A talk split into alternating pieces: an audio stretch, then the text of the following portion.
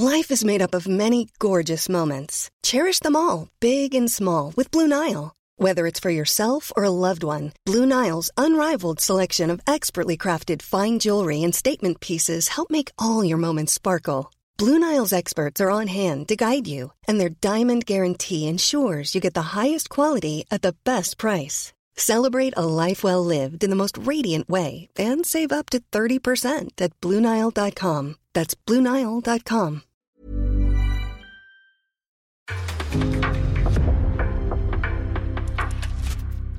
En podcast från Aftonbladet. Let's pretend! Let's pretend! Let's pretend we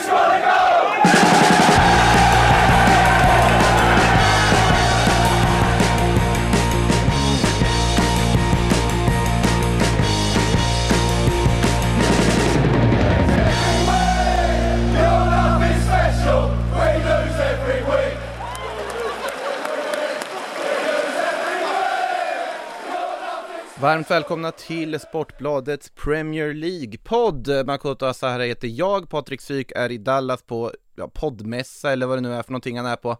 Han är i alla fall inte där, men han är väl säkert lite för ledsen ändå för att vara med med tanke på vad som skedde igår. Eh, istället, Frida Fagerlund i alla fall med från eh, London till att börja med, välkommen hit och även eh, Samuel Abrahamsson i studion, välkommen hit du också. Eh, jag tycker vi går rakt på sak till det som Ja. hände under måndagen. Manchester United, Liverpool 2-1. Ett United som alltså tar sina tre första poäng, som slår detta Liverpool som fortfarande inte har en seger i året Premier League. Frida, börja med dig, dina tankar om matchen. Jag har suttit och eh, vridit och vänt på den här matchen hela morgonen och eh, kollat igenom eh, highlights och kollat om highlights och försökt liksom lista ut vad jag tycker om den här matchen egentligen. För det var ju ganska självklart att United klev ut här och gjorde de grejerna som vi saknade exempelvis i mötet med Brentford. Där Brentford var väldigt skickliga i sitt pressspel. Brentford ville framförallt väldigt mycket och man såg ju här att Man United-spelarna, de har såklart en ytterligare nivå i sig rent kvalitetsmässigt. Den, fin- den fanns ju där någonstans. Och många plockade ju fram den här. Sen tror jag väl också att just bänkningen av Cristiano Ronaldo, den här matchen visar ju definitivt att Bruno Fernandes mår inte lika bra när Ronaldo är på planen samtidigt. Här fick ju Fernandes vara den där spelaren som jag antar att väldigt många avskyr, men United-supportrar förstås älskar. En spelare som dels kan glimra till och slå de här fantastiska passningarna och ha det här ögat på planen som inte sådär jättemånga spelare kan ha och vi får inte förglömma det heller att han var, i mitt tycke i alla fall, Premier Leagues bästa spelare efter att han hade kommit in där. Och, mm. och säsongen som följde. Så att de kvaliteterna har definitivt han i sig. Men det är ju tydligt att Ronaldos intåg har gjort någonting. Sen allting Fernandes gjorde var ju definitivt inte bra. Och det hade ju kunnat gå riktigt illa där när Lisandro Martinez liksom räddar bollen på mållinjen när Fernandes får någon konstig snedträff och Fernandes dräller ju med bollen vid något tillfälle precis framför straffområdet och sådär. Så allting han gjorde var inte, var inte hundraprocentigt på något sätt men han blev ju den här effektiva, nyttiga spelaren som man behöver i ett sånt här möte mot Liverpool. De gick hårdare in i duellerna, men å andra sidan är jag nästan mer Alltså jag fokuserar nästan mer på Liverpool och faktumet att de såg så bleka ut. Sen gjorde man United en, en, bra, en bra match överlag, alltså utan tvekan. Och eh, bästa insatsen under Erik Ten Hag och han behövde ju verkligen det här. Och jag tyckte ändå att man såg lite spår av Ten Hag boll, även om de var mer pragmatiska den här matchen. Det var inga korta utspel från David de Gea, han slog långt varenda gång och sådär. Men man såg ändå lite sådär drag av Ten Hag-boll. Just det här att de förflyttade sig från kanterna väldigt snabbt och effektivt, vilket också ställde Liverpool så att bra saker för Man United att ta med sig och jobba vidare på. Lite, lite, eller lite, jag är orolig för, för Liverpool och, och sättet de har inlett den här säsongen på. Alltså, det, om vi går, innan vi går in på Liverpool, när du, du nämnde ju Bruno Fernandes insats, jag förstår inte, eh, det här är bara en detalj alltihopa, men när Liverpool får in sin reducering, hur han överhuvudtaget vågar stå och hålla i bollen så länge som han gör med ett gult kort. Alltså med en petigare domare så ryker han ju där. Ja det borde ju nästan vara gult kort. Många domare hade gett det i alla fall. Sen älskar jag att han gör det, Ja. men, men det, det samtidigt så det, att han vågar göra det i det här läget var ja, otroligt eh, anmärkningsvärt tyckte jag. Men eh, samtidigt också en sån här sak som att det var ju mycket förändringar, du nämnde ju det Frida, Cristiano Ronaldo inte med i startelvan United, även Harry Maguire petad. Eh, jag tyckte man undrade varför Rafael Varane överhuvudtaget suttit på en bänk innan när han kommer in här nu. Hans och Lisandro Martinez samarbete i den här matchen var ju klockrent. Eh, man, måste, man ska hylla det, Lisandro Martinez fick mycket skit för förra matchen, här gör han ju en betydligt mycket bättre Mm. insats. Det, det märktes ju att han hade klivit in och, och tänkt att nu ska jag visa alla att man visst kan vara 175 centimeter lång Mm. Ja, och vara mittback. Nej, alldeles strålande insats honom. Och sen då såklart också målen man gör, Jadon Sanchos kylighet i det där avslutsläget när han sätter 1-0. Att Marcus Rashford får göra mål. Och dessutom tycker jag att Marcus Rashford var ju ganska blek fram till målet. Sen är det en helt annan spelare efter att han har gjort det här målet och hittat en helt annan form av självförtroende. Kanske är så att poletten verkligen trillade ner för honom i och med det här förlösande målet. Eh, Mycket positivt från United att ta med sig som sagt. Ja, sen dina tankar om? Ja, jag tar också med mig att eh, Elanga gjorde ju jäkligt bra första 45 minuter. Mm. Jag blev förvånad. Eh, Jag vet inte om det har pratats någonting om det efteråt, om det var en skadekänning eller så. Men jag blev väldigt förvånad att han blev utbytt i paus där. Hade ju, och borde ju nästan haft med sig ett plus ett på den halvleken för att hans läge som går i stolpen ska Mm. egentligen sitta såklart. Eh, Alltså jag kan ändå förstå.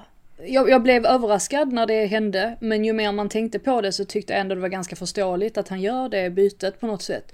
För att genom att flytta ut, alltså Elanga är en, han är en bra spelare, han, var, han gjorde en jättebra första halvlek och det var ju precis det på något sätt som United behövde. Men Marcus Rashford är en mer direkt, rakt på sak spelare, han går mot målet medan Elanga är mer en spelare som löper längs kanten. Och jag tror eftersom att Ten Hag insåg att nu kommer inte vi ha så mycket av bollen här i andra halvleken utan vi kommer få fokusera på att kontra. Och då vill man kanske ha en, en spelare som Rashford med de egenskaperna snarare än Elangas egenskaper. Jag tror i alla fall att det var så han tänkte. Och med facit i hand så blev det ju faktiskt väldigt bra också. ja, jag hade svensk glasögonen på mig bara kanske. och hoppades få se det i andra halvlek också. Ja, nej men det är absolut. Han, som sagt, han var skönt att se att han fick göra en bra insats för att han har inte riktigt, under försäsongen har inte han riktigt sådär kommit igång. Och det är ju det här man vill någonstans, att Ten Hag ska kunna utveckla honom ännu mer. Inte minst för svensk fotbolls skull. Som sagt, mycket, mycket positivt att ta med sig för Manchester Uniteds del. Det här var ju, kan ju betyda oerhört mycket inför fortsättningen också. Nu, Casemiro presenteras ju här också inför och när han kommer in här också på det här mittfältet. Ska ju i och för sig säga att McTominay gjorde en väldigt fin insats här också. Det var många spelare i United som gjorde väldigt bra insatser här och funkar ju bättre att ha McTominay som ensam bakom, alltså Eriksen Fernandes än vad det gör att ha Fred där, det kan vi i alla fall konstatera. Och det kommer nog passa ganska bra att få in Casemiro där. Och sen har Eriksen Fernandes framför. Eh, Martials inhopp dessutom på topp där också som kom in var ju också väldigt lovande. Så positiva tendenser i United men vi måste prata mer Liverpool också känner jag eh, Du sa att du var orolig Frida, jag eh, är väl redo att instämma i det också Eh, förvånad över draget att inte starta Fabinho. Det är ju också lätt att sitta och säga här med facit i hand. Eh, men man väljer då att använda Milner, Henderson och Harvey Elliott på mittfältet istället. Ingen Naby Keita borta på grund av skada. Thiago skadade sedan tidigare. Skadeproblemen hopar sig. För Liverpool som dessutom också vill klara sig utan Darwin Nunez. Eh, Frida, vad skulle du pinpointa är liksom största problemet i Liverpool just nu? Ja, jag tror att, eller jag tycker att det största problemet är att man har problem med alla lagdelar på något sätt. Och dels då backlinjen, van Dijk som absolut inte gör sin, sin bästa insats. Där vid målet, där James Milner blir så fruktansvärt förbannad på honom och de har någon sorts het ordväxling. Där tycker ju Milner att van Dijk måste kliva fram på Sancho. Och det kan man ju, det kan man ju faktiskt hålla med om. Jag tycker ibland när när spelare står så här som långfärdsskridskoåkare med, med armarna bakom ryggen. Jag kan tycka ibland att det gör att de, jag har förståelse för att man gör det till viss del eftersom att man vill undvika att få en straff mot sig. Men samtidigt så gör det ju spelaren också ganska immobil. Alltså de kan inte röra sig lika enkelt. Men oavsett så skulle han ju gått på där. Å andra sidan tycker jag inte att Milner skulle han kastar sig så panikartat på något sätt framför att försöka blocka skottet. Jag tycker att han skulle varit lite mer kylig också, så det är kanske båda två som skulle ha agerat lite bättre i just den sekvensen. Men sen också, och det här är ju kanske tröttsamt tycker vissa Liverpool-supportrar att hela tiden återkomma till. Men titta på Trent Alexander-Arnolds agerande egentligen vid båda målen. Alltså vid, vid andra målet så är han ju, han, ja han hade kanske aldrig hunnit ikapp Rashford, men han stannar också och väljer att inte löpa hemåt. Nu är han som sagt, han är en bit ifrån, han hade antagligen inte hunnit ikapp, men någonstans så kan jag ibland se de tendenserna av honom, att han stannar och inte tar det här jobbet hemåt. Och ja, alltså där, där kan man ju dels se några saker som inte fungerar. Sen också, det fanns en, ett, en sekvens där Jordan Henderson, han droppar ner till backlinjen med bollen och så märker han att han håller i den och håller i den och håller i den och försöker liksom se en löpning från frontlinjen. Men det kommer ingen. Så att jag, jag tycker att det är många delar här i ett Liverpool-spel som inte fungerar. Men med det sagt så de har ju ändå sina perioder av tryck, alltså därefter Uniteds första mål, alltså den resterande tiden där av första halvleken, då kommer de ju ändå igång någonstans, men ja, det, det räckte inte till någonting. Nej, alltså angående Trent håller jag också med Hans styrka ligger ju inte i defensiven. Och det har vi ju sett att många lag, alltså som har skickliga offensiva yttrar utnyttjar ju ofta det att Trent är inte den defensivt säkraste ytterbacken. Hela hans storhet ligger ju i just spelsinnet, den unika passningsfoten och liksom offensiva speluppfattningen. Eh, sen, sen är han ju en fullgod ytterback, men han är ju inte något, något liksom defensivt kraftpaket på något sätt och det ser man ju att det utnyttjas ganska ofta. Och då är det ju i sådana lägen man vill ha en spelare som Fabinho inne på planen som går in och täcker de myterna och ser till att Trent kan göra det han är bra på istället för att hamna i de situationerna. Eh, är det finns en del att fundera på i Liverpool. Nu tror jag inte att det är någon kris än. Eh, de har en match som väntar här mot Bournemouth. Om de skulle inte vinna den, ja, då kan vi ju börja prata lite mer krisläge, men jag räknar med att Liverpool kommer att tillbaka i en sån match, men vi, vi får väl se. Uh... Men, men tänk bara, måste bara inflika, tänk att vara Man United-supporter och liksom vara inne på Old Trafford mm. efter att det har gått så fruktansvärt uselt och få se dem vinna mot Liverpool, det måste ju vara, det måste ju vara en helt fantastisk och känsla. Och gå om eh, Liverpool i tabellen. bara det. bara en sån Tänk sak. vad snabbt det går i fotboll. Alltså ja, fotboll är alltså, så konstigt. Man har ju pratat så mycket om United start men så är de ändå före Liverpool. Nu är det tre omgångar så vi ska ja. inte dra några stora växlar av det såklart. Men om Liverpool ska spela med det här mittfältet under hösten så borde man vara riktigt orolig känner jag. För att jag tycker det var tydligt igår James Milner 36 håller inte att spela sådana här matcher riktigt längre från start i alla fall. Sånt här är sånt man kan säga ostraffat i studion när Patrik Syk inte är här. Ja, jag vet. Det, det, är därför jag tar chansen nu när han är i Dallas och kanske inte ens lyssnar på detta.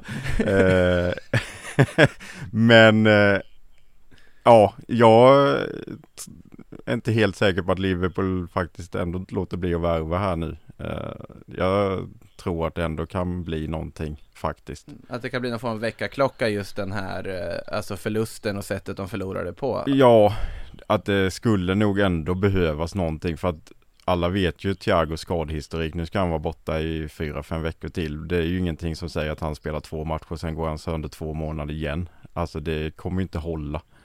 Och Naby Keita också skadad hela tiden. Eh, Diego Jota har varit skadad länge här nu.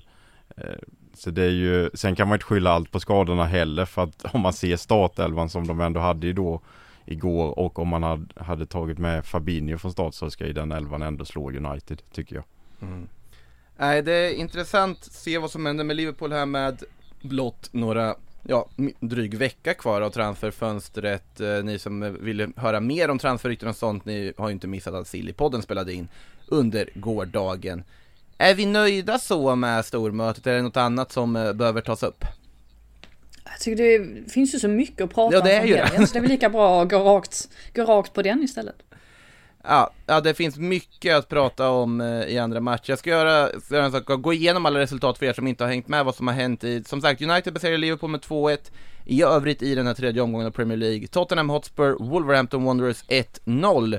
Crystal Palace 3-1 seger mot Aston Villa, 1-1 mellan Everton och Nottingham Forest, Fulham besegrade Brentford med 3-2, Leicester City Southampton 1-2, Bournemouth Arsenal 0-3, Leeds United Chelsea, den kommer vi prata om, 3-0 till Leeds United, West Ham Brighton 0-2 och Newcastle United Manchester City 3-3. Och i den matchen som jag avslutade denna genomgången med tycker jag att vi påbörjar helgens eh, aktiviteter. Newcastle City, ja det, det mesta hände ju i den Frida.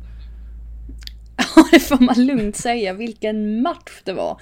Jag var ju på väg hem från, eh, från London Stadium. Ah när han hade börjat så jag missade ju tyvärr någon, något av målen där i, i början men det gjorde ju ingenting för det var ju drag från början till slut i, i den matchen på något sätt. Eh, för det första hatten av för Newcastle som försöker kliva ut här och, och tänker att vi ska, vi ska ändå försöka få med oss någonting här mot Man City trots att de har alla sina stjärnor. Sen aktionen av Bernardo Silva innan den här lyftningen till Gündogan när han liksom vrider bort för tre motståndare, alltså jag vet inte vad man ska säga, det är bara wow, ett stort wow på den. Um, och sen så, uh, San Maximan som vi vet, han har väldigt mycket fotboll i sig, han har ibland inte sådär jättemycket slutprodukt, eh, ja, konstruktivt som han gör med den, men här var han ju definitivt ett väldigt stort hot för, för City och vågade, vågade utmana och fint förarbete där ju till, till Almirons mål. Och sen Callum Wilsons första touch är ju också superb och Trippiers frispark eh, som han liksom skruvar in, helt otagbar. det var så mycket här att, att ta med sig på något sätt men man kan väl ändå konstatera att Newcastle är ju, hur starka de än är, så märker man ju här att Man City, de, de är ju också starka minst sagt. De, de har också att ta av i den truppen och det visste ju vi sen tidigare. Nick Pope gör ju en fantastisk match också måste man ju tillägga. Även om man släpper in tre mål, det, det är helt... ja, även, även om man släpper in tre mål, vilket säger väldigt mycket. om tillställningen. Jag tar nästan med, mest med mig 3-3 målet. Eh, Kevin De Bruyne, mm. vi vet ju vilka passningar han kan slå men alltså det borde inte gå ändå. det, och sen Silvas, ja det var Bernardo Silva va, som satte, ja. ja avslutet där. Det var ju. Sen är det väl, han får väl lite hjälp av Willock. Bollen tar ju på Willock och så får han sån snedstyrning. Mm. Nej det, det är sanslöst. Men det är fortfarande ett, ja. fortfarande ett fint mål, men jag bara menar, det, för, det, förklarar, det förklarar lite grann också eh, varför den, eh, ja, varför den kommer så varför den kommer så pass perfekt. Men absolut, helt klart. En annan grej som jag lade märke till också var ju um, fram tills Hålands mål. Mm. Där John Stones lägger hörnan snabbt. Jag trodde inte ens att han hade, låter dumt kanske, men jag trodde inte ens han hade auktoritet att göra det. Att bara lägga den snabbt sådär. Och sen så kommer De Bruynes fantastiska inlägg där och så Haaland som, som drar in den i mål så att, eh, nej, mycket, Man trodde inte John Stones hade auktoritet att vistas runt en hörnflagga. Ens. Jag vet inte, varför, jag vet inte varför, jag, varför jag la märke till det eller varför jag reagerade på det, men jag tyckte bara det var en intressant aspekt i, i det hela. Sen har det ju diskuterats mycket den här Trippier-situationen, mm. där han ju faktiskt blir utvisad.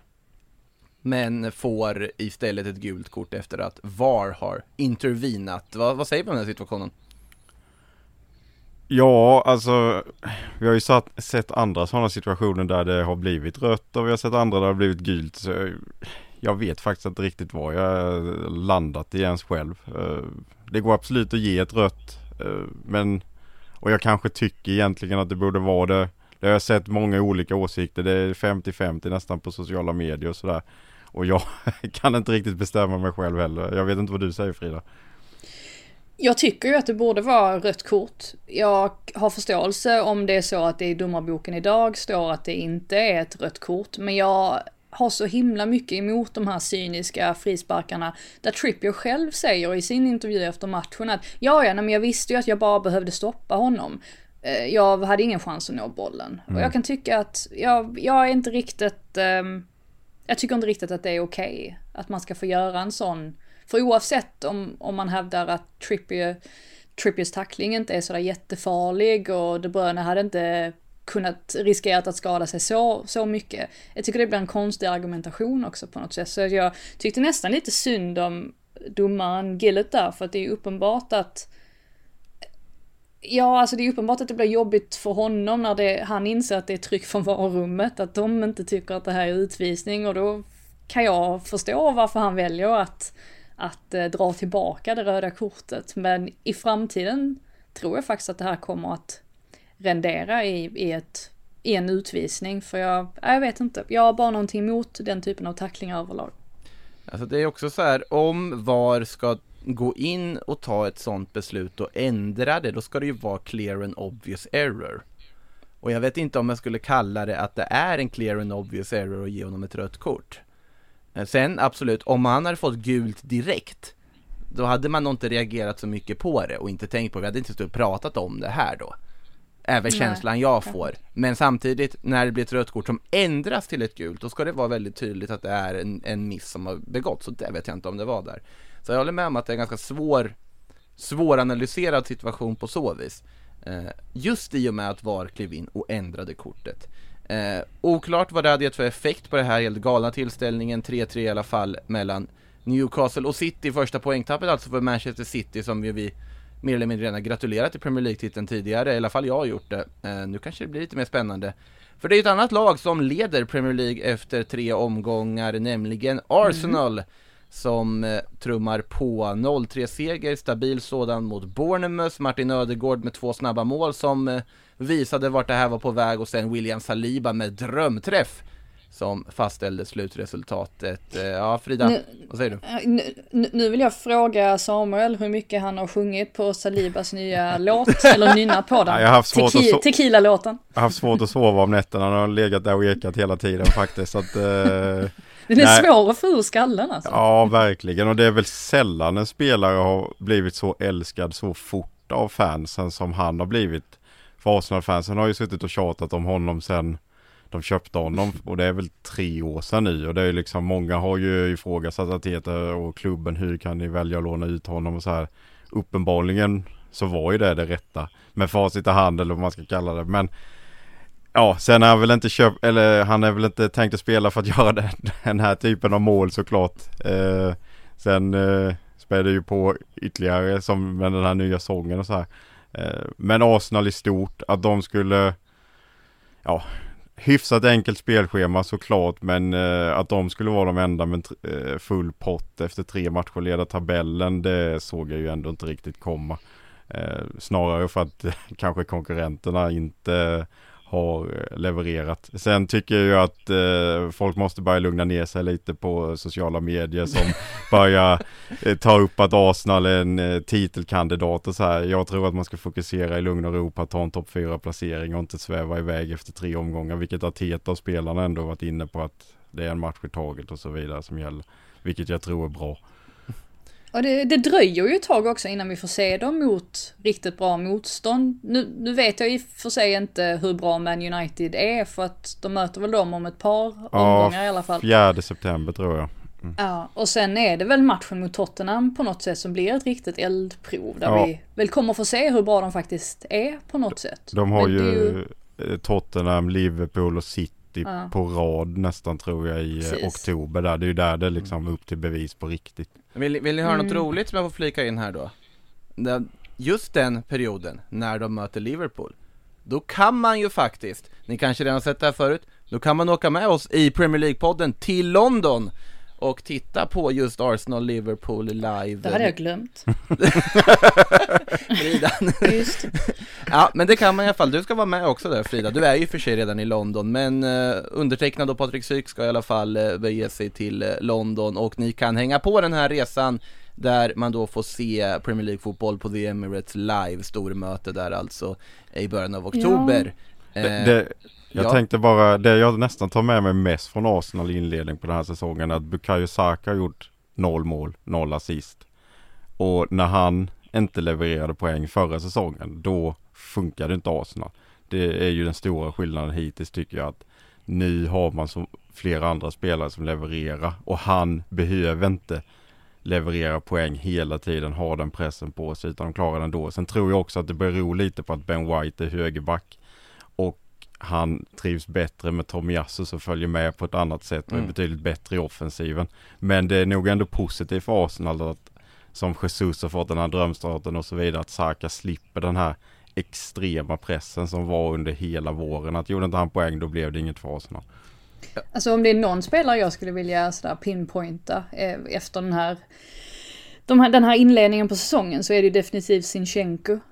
Eh, alltså mm. han är ju så, han är ju så nyttig eftersom att han är en spelare som, och jag tror att det, det är just därför att Teta gillar honom väldigt mycket. Att visst, han är vänsterback på pappret, men han är ju inte det riktigt när han spelar matcherna. Då blir han ju på något sätt mer mittfältare, han tar väldigt stor frihet på det sättet, även om han då inte släpper sina uppgifter som han har från vänsterbackspositionen. Alltså allt han lärde sig i City har gjort honom till en spelare som inte bara är superb rent positionsmässigt, utan han är väldigt direkt, han vågar kliva fram och så är dessutom väldigt bra defensivt.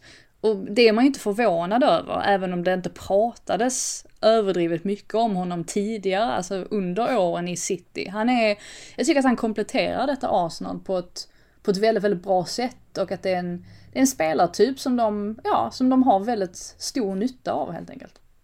Det man kan säga sammanfattningsvis är ju att Alltså man hade ju förhoppningar på det här Arsenal sett hur de hanterar sommarfönstret men jag tycker att de hittills i alla fall, även om vi som sagt inte ska ta ut saker i förskott, de har ju överträffat, Sinchenko har överträffat förväntningarna, Gabriel Jesus har ju verkligen överträffat förväntningarna som ändå var höga innan, man trodde inte han skulle vara så här bra kanske som han har varit och så här viktig. Eh, I alla fall jag gjorde inte det.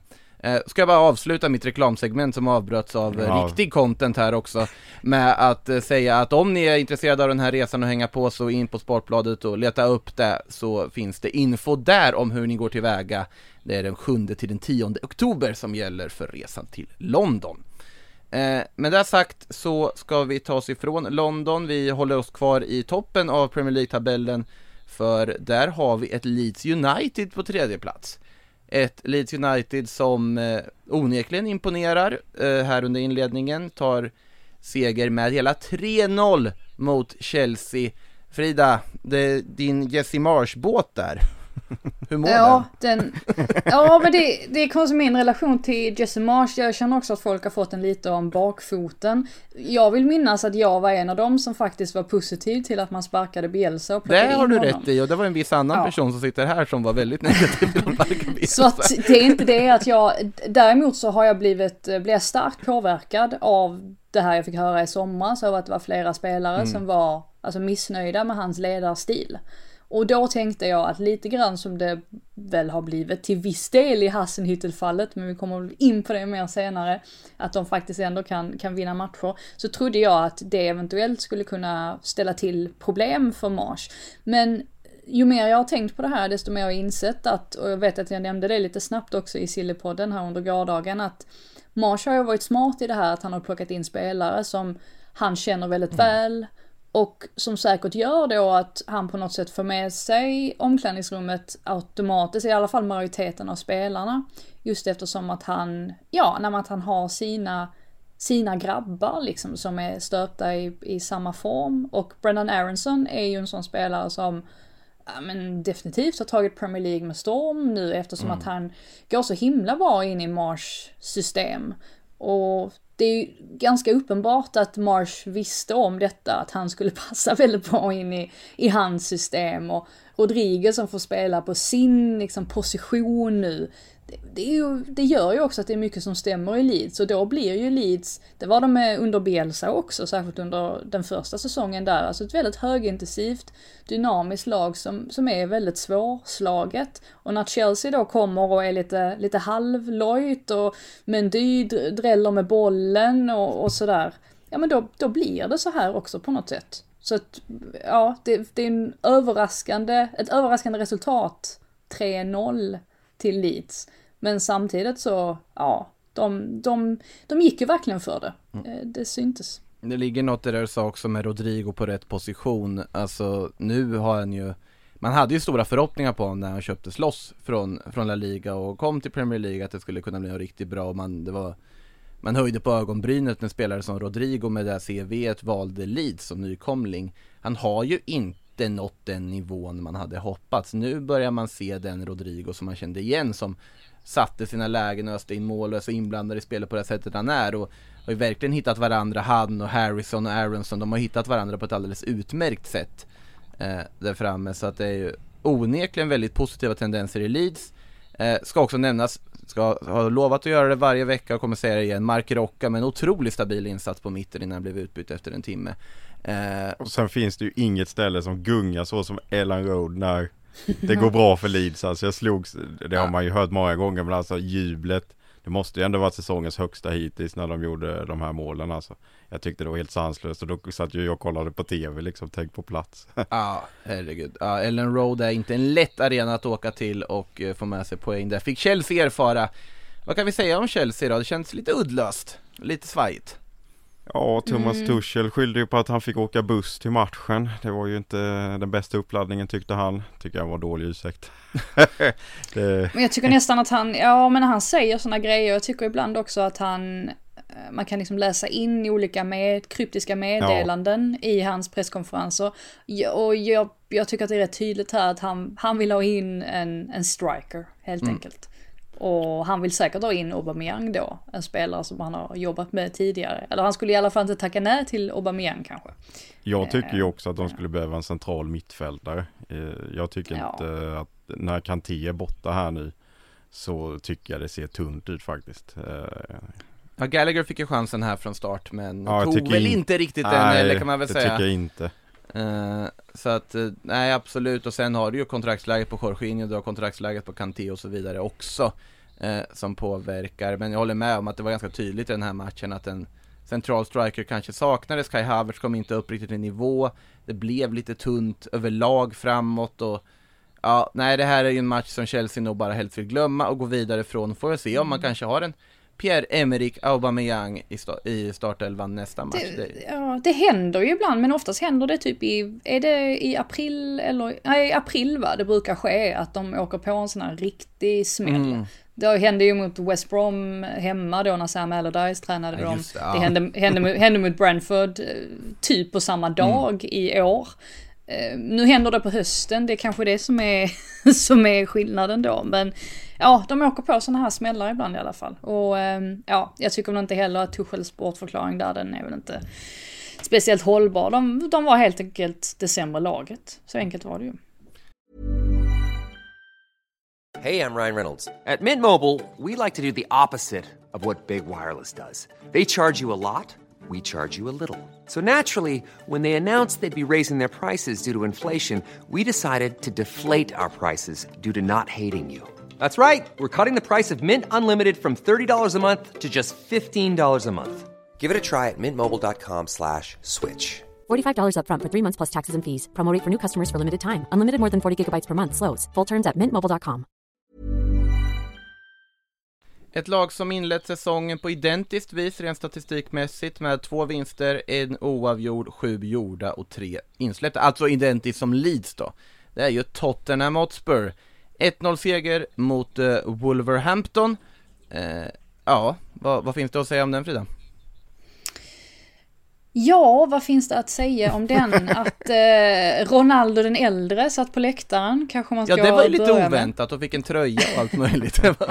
ja, nej men verkligen. Man undrade vilket lag han egentligen var där och, och höll på för att eh, det är ju väldigt portugisiskt talande i, eh, i Wolverhampton samtidigt som då Tottenham också har sina, sina brassar, eller Richarlison eh, inte minst som, jag tror till och med att Richarlison har sagt vid ett tillfälle att Ronaldo är hans absolut största idol och att han, han blir nervös när han träffar honom. Så att eh, det var kanske därför han missade det läget på slutet där när han hade kunnat göra 2-0 till Tottenham. Mm. Han kanske tänkte på att Ronaldo satt där på, på läktaren och blev lite, blev lite nervig. Men ja, alltså det man kan säga här är ju att det var mycket av snacket inför handlade ju om Nunes som mm. har signat för Wolverhampton till mångas stora förvåning från Sporting Lissabon för en rekordstor summa. Och man kunde definitivt se hans kvaliteter under första halvleken. En halvlek som Wolves faktiskt dominerade.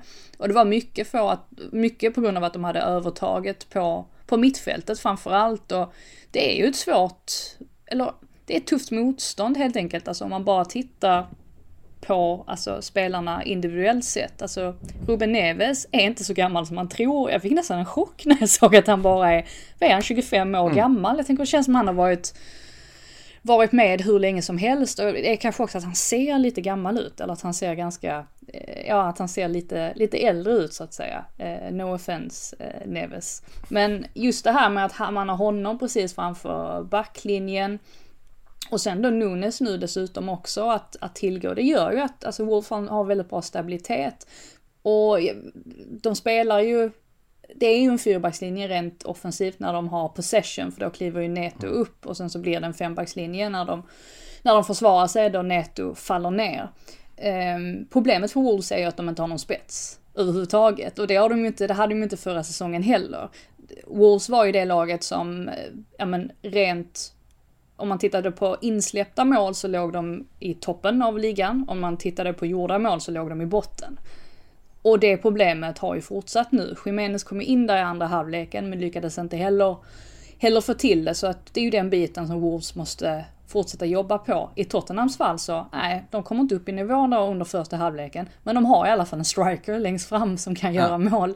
Och det är ju det som händer när Kane nickar in det där målet. Fin nickskarv från Persic. Kulusevski, bra igen där i andra halvleken. Alltså verkligen en av de spelarna som har visat nu under, under säsongsinledningen vad han går för. Hogminson däremot undrar jag lite grann vad, vad som pågår med honom. Han är väldigt ofta feltajmad, verkar lite disträ, tar fel beslut. Ja, han behöver ruskas om lite grann, men det viktigaste för Tottenham var ju att ta tre poäng. Och det gör man mot ett lag som man dessutom förlorade mot hemma förra säsongen. Tror, tror ni Conte skulle våga att peta Son och ta in eh, Rikarlison en match bara för, som du sa, ruska om honom ordentligt? Ja, vågar gör han ju definitivt. Ja, vågar göra, frågan är om han, gör, han det? gör det. Nej, jag har svårt att se att man ska ja. peta Son om inte han ska vilas eller något. Vi vet alla vilken kvalitet han besitter och det känns ju snarare som att det är ett sparkapital för Tottenham att han inte kommit igång och ändå tagit segrarna du behöver här. Eh, intressant är det ju lite dilemma med Perisic, otroligt fin nickskarv alltså, han är otroligt bra på huvudet Perisic. Men samtidigt har han ju fantastisk fot och leverans på fasta också, på hörner och så vidare, som vi också har sett tidigare under säsongen. Mm. Uh, han har ju Spelar ingen roll vilken fot det är heller. Nej, han är, han, tar med båda. han är makalös tycker jag och det är verkligen, verkligen visat vilken, vilken fin sommarrekrytering det är av Tottenham har fått in honom där tycker jag. Eh, även om man gjorde det med nick den här gången, vilket var lite mer oväntat som sagt. Eh, nej men som sagt, jag håller med också, Wolves saknar ju lite spets, där det pratas ju om Sasa Kaladzic som ska ta in två meter lång österrikisk target. Eh, känns ju som att det är ganska tydligt vad de är ute efter då. Eh, vi får se om det blir något med den övergången. Tottenham alltså med en 1-0-seger har inlett den här säsongen stabilt. Där går det dock inte att säga om West Ham, för West Ham hittar vi faktiskt på noll poäng längst ner i tabellen och det efter 0-2 förlust hemma mot Brighton. Eh, är det läge på att oroa sig lite över West Ham? Ja, det kan det ju vara. Frida, du var ju på den här plats, platsen. platsen. på den här arenan. Den mytomspunna plats. ja, det, nej, du var ju och såg matchen skulle jag säga. Det blev platsen. Eh, så du har ju lite bättre koll. Jag eh, kollade på Chelsea då. Ja, precis. Ja, alltså det man kan säga är ju att, alltså, man får ha i åtanke också att Potter väldigt ofta vinner mot Moyes. Potter är ju alltid väldigt, han är väldigt förberedd och eh, West Ham under Moyes är också ett lag som är väldigt förutsägbart. Man vet hur de kommer att spela, hur de ställer upp eh, offensivt, hur de ställer upp mm. defensivt. Och det Brighton gjorde var ju i stort sett att när man applicerar mycket av det som har fungerat väldigt bra inledningsvis på säsongen och gjorde samma sak här. De var ganska, alltså West Ham, de kom inte riktigt nära Brighton där under första halvleken. Kan tycka också att de har fortsatta problem försvarsmässigt. Alltså Kurt Zuma som ju faktiskt var, trots den här kattincidenten så har han ju faktiskt varit väldigt bra för West Ham sen han gick till klubben. Men jag tycker nu att dels att han ser, han ser inte helt fit ut helt enkelt. Och eh, lite off. Vilket då gör att, ja men det leder fram till den här straffsituationen som eh, är ju nyförvärvet Kerer, är det som man mm. säger. Tilo Kerer, eh, ja. Precis, som eh, återigen, jag är ju lite är lite försiktig där eftersom att jag bara hör det engelska uttalet. Jag vet ju aldrig riktigt vad, vad det riktiga uttalet är. Eh, ja, så det är ju han som orsakar straffen där också som gör att Brighton liksom kan smälla in det målet och sen så kan de jobba på i lugn och ro för att de märker att det de gör fungerar väldigt bra. Och eh, just det där med att sätta pressen på, ja men, på mittfältet eller på Declan Rice och Zuzek istället gjorde ju att de hela tiden vände hemåt. med- Eller att de tvingades spela bollen hemåt. Vilket gjorde att West Ham valde att dra den långt och sen så såg Brighton till att, att vinna bollen i, i, det, i det läget. Så att Nej, det ser inte alls bra ut för West Ham just nu. Sen tror jag inte att det... Man ska inte hässa upp sig för mycket heller, för jag tyckte ändå att det fanns vissa aspekter i West Hams spel där under andra halvleken så som... Alltså man märker ändå att... Jag tror att kommer de bara igång så kommer de börja plocka sina poäng. Men tre raka förluster ser ju verkligen inte bra ut för deras del. Han har, han har ju byggt upp lite förtroendekapital också Moise, så att han eh, med tanke på vad han har gjort med den här klubben hittills så det ska ju till mycket fler förluster för att han ska sitta löst på något sätt kan man ju tänka sig i alla fall med tanke på att de ändå har någonting vettigt på gång. Ja, att de ska vara inblandade i bottenstriden tror jag ju inte att de kommer vara. Sen är det som Frida nämnde, det är ju lite oroande ändå. Just det här med att alla andra lag vet hur West Ham spelar. Det, är, det har varit samma nu under Moyes liksom. Mm. Det är samma system, det är nästan samma spelare. Eh, och nye Skamacka hade väl hoppats att liksom komma igång. Det gjorde väl ett mål där i Europa-kvalet liksom. Mm. Men de skulle ju verkligen behöva få igång honom. Nu har de gjort noll mål och det är ju såklart oroande då.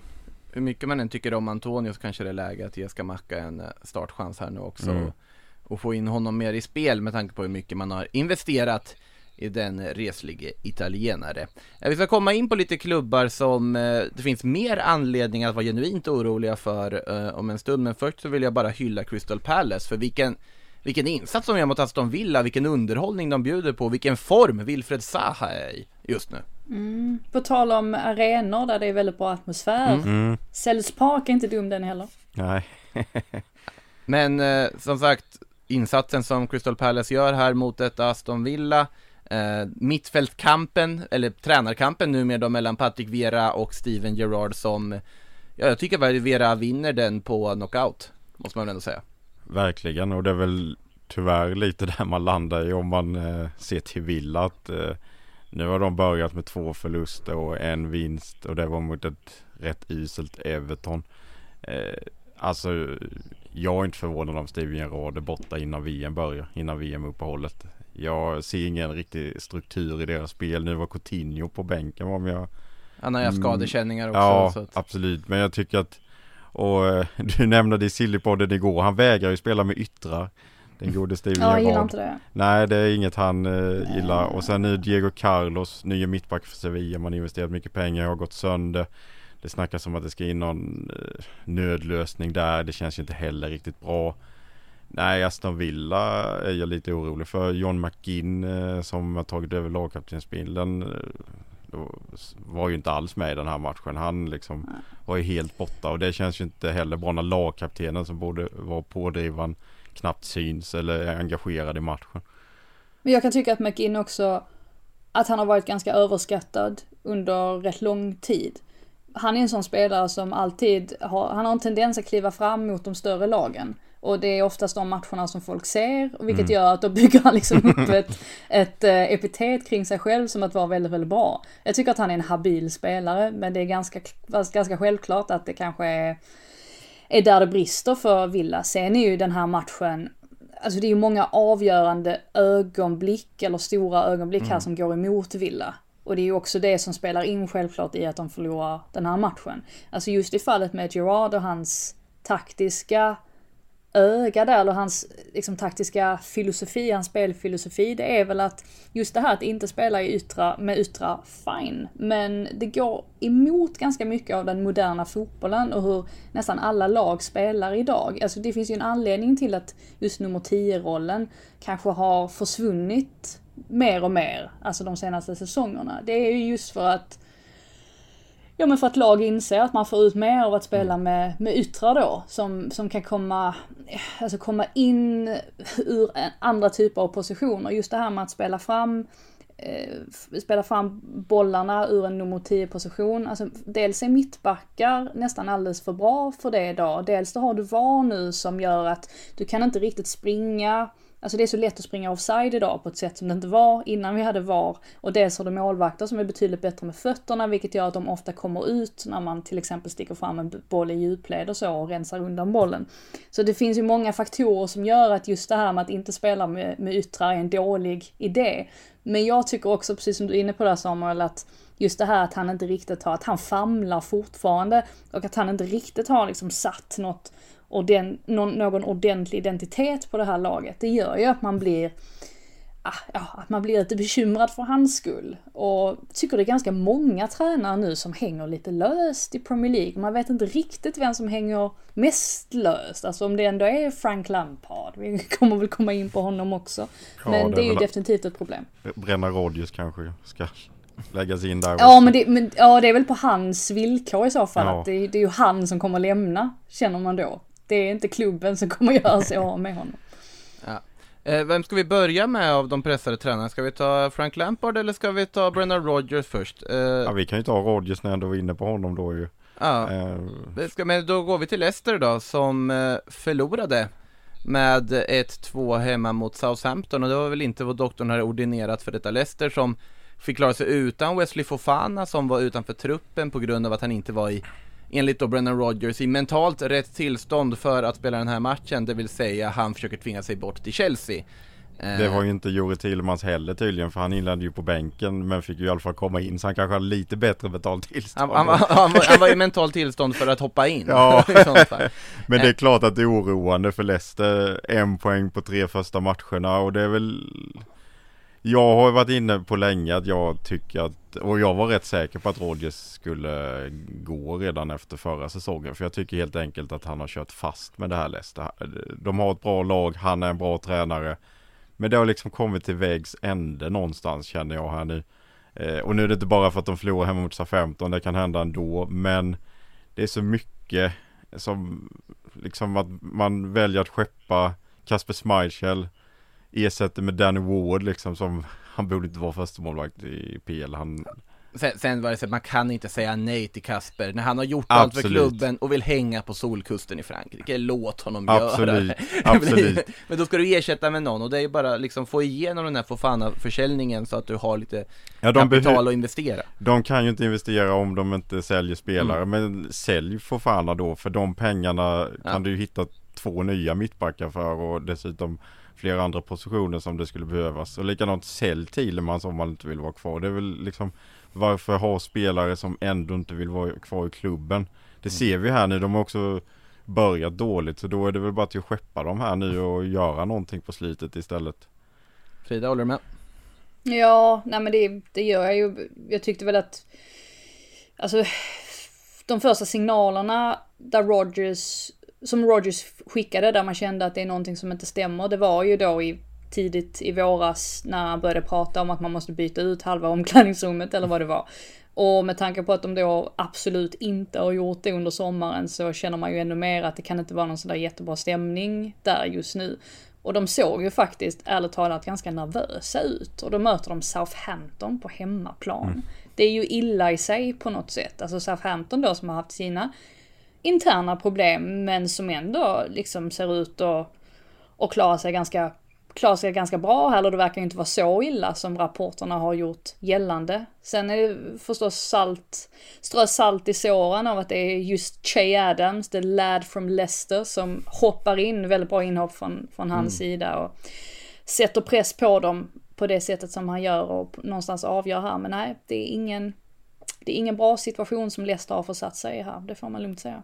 Hasselhüttel firade ju rätt kraftigt framför Rodgers vid eh, slutsignalen där. Han kände väl ja. att det kanske var viktigt för hans framtida jobb kanske. Han får, han får, han får passa på också. Ja, verkligen. Inte så ofta han har chans att fira kanske. Eh, ganska imponerande om ändå lyckats fixa en serie. Alltså det är ju det är, det är inte ett gammalt lag som de skickar ut Southampton med 20-åringar eh, och 18-åringar och värvat in. Får se om de får får ihop det De gör alltid så här. Ja, de gör ju alltid Mm. så här. De värvar ju alltid så ungt och, och de kör verkligen på sin linje och varje säsong så sitter man där. Fan, ska man sätta dem på nedflyttningsplats? Jag tror till och med jag har och, Jag har gjort det kan jag erkänna så att eh, jag, får väl se. jag, gjorde, jag gjorde ju aldrig det utan jag satte ju Leeds där för att jag var så gra, grovt påverkad av, av de rapporterna om splittringar i omklädningsrummet. Tror ni att jag ångrar det nu eller? Sen vet man inte. Säsongen är så himla lång. Vi vet med Southampton också att de kommer in i stim där de vinner en massa matcher och sen kan de lika gärna förlora sju raka. Eh, samma sak egentligen med Brighton också. Har också en tendens att komma in i sådana perioder. Så att det är en Ska ju lång också säsong. förlora säsong. med 9-0 en gång per säsong. Det kommer förr eller senare. den kommer ju också någon gång. Eh, säsongen är lång, frågan är om det är ord som Everton-fansen tar emot med glädje eller med besvikelse med tanke på det stadiet som den klubben är i just nu. 1-1, första poängen för säsongen här hemma mot eh, storsatsande Nottingham Forest som, ja, hur många nyförvärv fick de in i den här startelvan ska vi se, ja, det var, ja, de, de kan få in ganska många fler än vad de fick in här, det är fortfarande många som som ska in i spel, var, vart väl inhopp här för rekordnyförvärvet Morgan Gibbs White och även då för eh, fri transfervärvningen Kouyaté. Inget inhopp för Manuel Dennis eller Remo Freuler, de fick sitta och titta på snällt från bänken. Eh, Men 1-1 mellan eh, Everton och Nottingham, Eh, målen föll sent där, först Johnson för Nottingham som satte 0-1 och sen då Demarai Gray som löste en poäng för Everton. Ja, vad säger, vad säger vi om det? här? Everton finns fortfarande anledning att vara orolig för dem i alla fall. Ja, det får man lugnt säga. Jordan Pickford visar Ederson-tendenser i alla fall. David Grays mål, det är väl någonting positivt att ta med sig. Det var ju Onekligen väldigt så. fin, väldigt fin utspark får man säga. Verkligen. Eh, nej, men de saknar ju, det är så uppenbart att de saknar en, en spets. Helt klart de också. Och ehm, jag är inte helt övertygad om Lampard heller. Jag är inte helt övertygad om att han kan hantera en sån här situation, att han kan vara så pass pragmatisk och cynisk som man måste vara i ett sånt här läge. Det skulle inte förvåna mig om han blir den första tränaren att lämna om det fortsätter så här. Eh, Men det känns ju helt klart som att de måste, de måste få in någon spelare helt enkelt. Och eh, ja, alltså Neil det vore ju inte helt dumt ändå Nej. Brighton. Jag, jag är ingen favorit för mig, för mig, absolut inte. Men han är bättre än, än de alternativen de har just nu. Sen är ju, får man ju säga att alltså Gordon är ju, han är ju verkligen deras juvel på något sätt. Alltså man ser att han har en nivå i sig som, som få av de andra har. Men nu ryktas han så mycket till Chelsea också för ganska höga summor. Så man tänker att, ja eftersom att han inte vill förlänga kontraktet, kanske lika bra bara sälja honom och försöka köpa in någon ny. Samtidigt som det är ju tufft också där, ska man släppa den enda spelaren kanske som kan göra någonting just nu, alltså offensivt. Så att, ja, det är en svår balansgång det där. Alltså för 60 miljoner pund så ja, säger Ja, jag. då Ja, hade jag ja, med men sålt faktiskt. faktiskt. Eh, Det är ju det som är grejen liksom, att det är väldigt, väldigt mycket pengar och som sagt, han verkar väl inte vilja skriva på något nytt kontrakt. Så att, ja, det är en knivig situation. Onekligen svår situation för Everton eh, som sagt och eh, 1-1 då mot Nottingham Forest. Vi får se vad som händer med dem också. De har ju en eh, 128 nyförvärv till som ska in i det där laget och de ska få ihop det. Tycker det känns också, man ser, jag satt faktiskt och kollade den här matchen också, att det var alltså otroligt så här, osynkat i Nottingham överlag i väldigt mycket de får för sig. De har inte börjat hitta varandra än riktigt och det eh, vi får väl se om någon, konstigt. Ändå hygglig start på säsongen trots allt ju. Även om de Ja. inte har hittat varandra. De har ändå tagit en seg, eh, ett Mm. kryss och en förlust. Va? Så det får Men väl tänk ändå... om det misslyckas alltså. Tänk om det här misslyckas. Det är ju, ja. Ja, det är många spelare som inte vill vara i Championship nästa säsong kan jag garantera. Ja, det, det, det, det ska gudarna veta. Eh, vi har faktiskt, vi har en match kvar att avhandla och det är faktiskt nästan den roligaste som var där under lördagen för det är ju Fulhams 3-2 seger mot Brentford. Eh, målfest och dramatik på Craven Cottage när Alexander Mitrovic fick det sista ordet i den 90 minuten. Det var ju trevligt, måste man ju säga. Alltså tillställningen i sig. Ja, baksmälla för Brentford efter 4-0 mot United. Ja, onekligen så. eh, hämtade ju ikapp 2-0 till 2-2 men sen eh, Mitrovic, man har ju varit lite sådär, ska han hålla i Premier League eller inte? Det var ju inte så bra förra säsongen de var uppe. Sen gjorde han ju 100 mål eller vad det var kändes som förra säsongen. Och nu har han ju startat jäkligt bra och om han ska fortsätta leverera i Premier League då Ja men då känns det som faktiskt Fulham kan klara sig kvar. Jag har tippat dem på nedflyttningsplats men de har ju också fått en överraskande bra start får man ändå säga. Och sen eh, Mitrovic, eh, han hade gjort nytta i många andra PL-lag. Det är många som behöver en anfallare och han hade ju kunnat göra nytta. Alltså, det hade varit kul att se han i en bättre miljö. Jag tänker liksom Chelsea, de behöver en anfallare. Skulle han vara bra där? Skulle han, in, skulle han floppa där? Ja. Han skulle nog Det är också en sån spelare, som, ja, det är sån, också en sån spelare som man tror är mycket äldre än vad han är. Ja. Hur gammal är han? Han är inte så gammal, är han 27 eller något Jaha, sånt? han ser ut att vara minst 32. Ja visst gör han det. Jag, jag, jag, alltid, eh, jag tror alltid det på något sätt. Men jag håller med om att eh, alltså Fulham är mycket starkare än jag trodde att de skulle vara. Och har an, framförallt anpassa sig betydligt bättre än jag trodde att de skulle göra. De hade ju ett bollinnehav i Championship som låg på, jag tror det var runt 60-61% sådär. Och nu har de ett bollinnehav på 39%. Och det kan ju vara en sån grej som, som påverkar den typen av lag ganska mycket. Alltså som är vana vid att föra matcher. Så helt plötsligt så inser de att de kan inte göra det utan de måste helt enkelt anpassa sig och spela på ett annat sätt. Och antalet korrekta passningar, jag tror det har gått från typ så här 82-84% ner till 68%. Eh, och sen så de mer raka passningarna framåt har liksom gått från 31% till f- typ så här 47-48%. Alltså så det är, det är en ganska, ganska stor ökning. Alltså antalet långbollar har givetvis också ökat.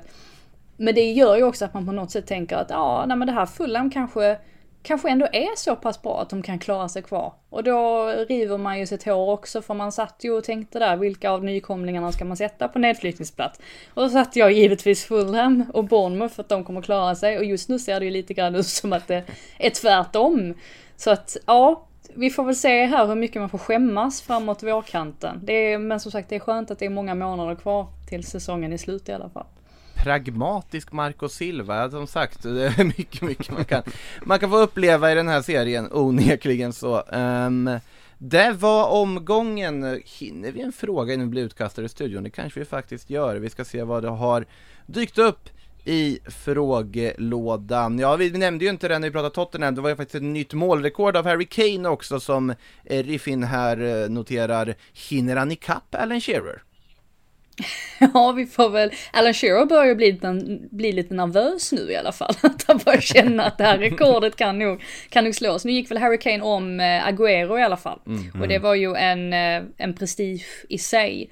Jag skulle, inte, jag skulle inte ta det för omöjligt, men det gäller ju att han håller sig skadefri då. Och vi vet ju att han ju faktiskt har haft en del problem i, i, eh, ja, i det förflutna så att säga, eller tidigare säsonger. Men jag menar, alltså med tanke på vilken ålder som många strikers faktiskt kan spela på idag så känns det ju inte helt omöjligt. Och eh, ja, nej verkligen, han, om han fortsätter på det här sättet så kommer han ju fortsätta slå rekord, det det ju ingen tvekan om den saken. Eh, Gustav Brosell kommer den här eviga frågan, den här som är ungefär lika vanlig som vad är meningen med livet? Frågan, vart ska Saha gå? Eh, den, den, har, den har vi ställt några gånger. Eh, Han ska, han ska inte gå någonstans. nej, han, han ska- han blivit, ska vara kvar! mot, mot sin vilja har han blivit den mest klubblojala i hela Premier League. Och han är helt fantastisk just nu. Alltså det, det, Om- som, Precis. Ja, men- Tror dock han har ett år kvar på kontraktet bara. ja va? men förläng det då. ja bara Alltså, förläng det. Ja men nu har de något kul på gång med Vera som tränare, Esse och Sahas samspel funkar ju utmärkt. Sen kanske du måste skifta Jordan Nayu, jag ser väl inte riktigt storheten i honom med ett sånt liksom, spel som Crystal Palace har. Liksom, Jeffrey Schlupp omgjort i mittfältare, ett genidrag. Så, från ingenstans. Zaha är ju också så pass, han är väl, på tal om åldrar, han är väl typ 30 va eller någonting Har sånt. han fyllt 30? Ja, kanske inte men han, han känns ju snarare som att han är evigt Han är väl ung, 92 liksom. ja. Ja det Mm, var han en är 30 och så här Stanna, bli liksom den där riktiga klubbikonen och skriva på ett nytt och avsluta karriären där istället. Ska inte gå någonstans. Vi tar eh, en fråga till här också, Kalle Lolk som eh, fått lite hybris ändå. Tror ni United har det som krävs för att efter gårdagens resultat satsa mot titeln? Nej. Eh, nej, nej, nej. Eh, Casemiro sa ju att hans mål var att vinna Premier League med Manchester United när han skulle flytta dit nu. Eh, får se om han har, eh, om, om han inser vart han har gått. Men nu har, som sagt, nu är det ju positiva vindar i United här i alla fall. Eh, Oskar Kjell har ju en ganska kul fråga vi slänger in här också. Är detta den roligaste starten på ett Premier League-år någonsin? Oj. Oj. Vad, det, jag minns ingen av de andra säsongerna. Så att jag Nej, nej, alltså-. Jag minns förra av förklarliga skäl. Eh, om alla Ja, vet var det. mina sympatier finns. Så, Det kanske är därför jag har förträngt. Förträngt den var, förra var ju väldigt underhållande, det var den ju. Alltså från utifrån perspektiv. Eh, Men den här säsongstarten är ju, alltså det är ju kul när de förväntade lagen sladdar i tabellen direkt. mm.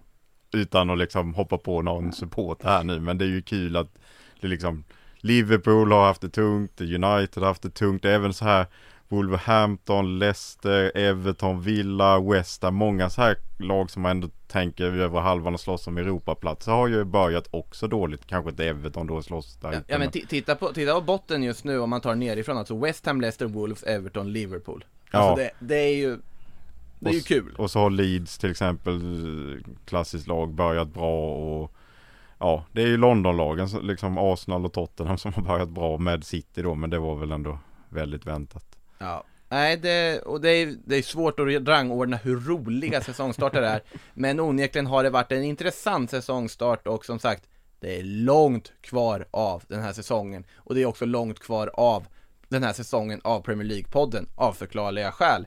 Eh, Men det sagt så har det dock blivit dags att runda av för idag. Stort tack Frida, stort tack Samuel och stort tack alla lyssnare. Som sagt, kom ihåg, om ni vill med till London och titta på Arsenal Liverpool i oktober, in och leta upp det och det finns faktiskt några biljetter kvar fortfarande så in och eh, häng på! Det kommer bli kanonkul! Med det sagt så tackar vi för oss, ha det gott, hejdå!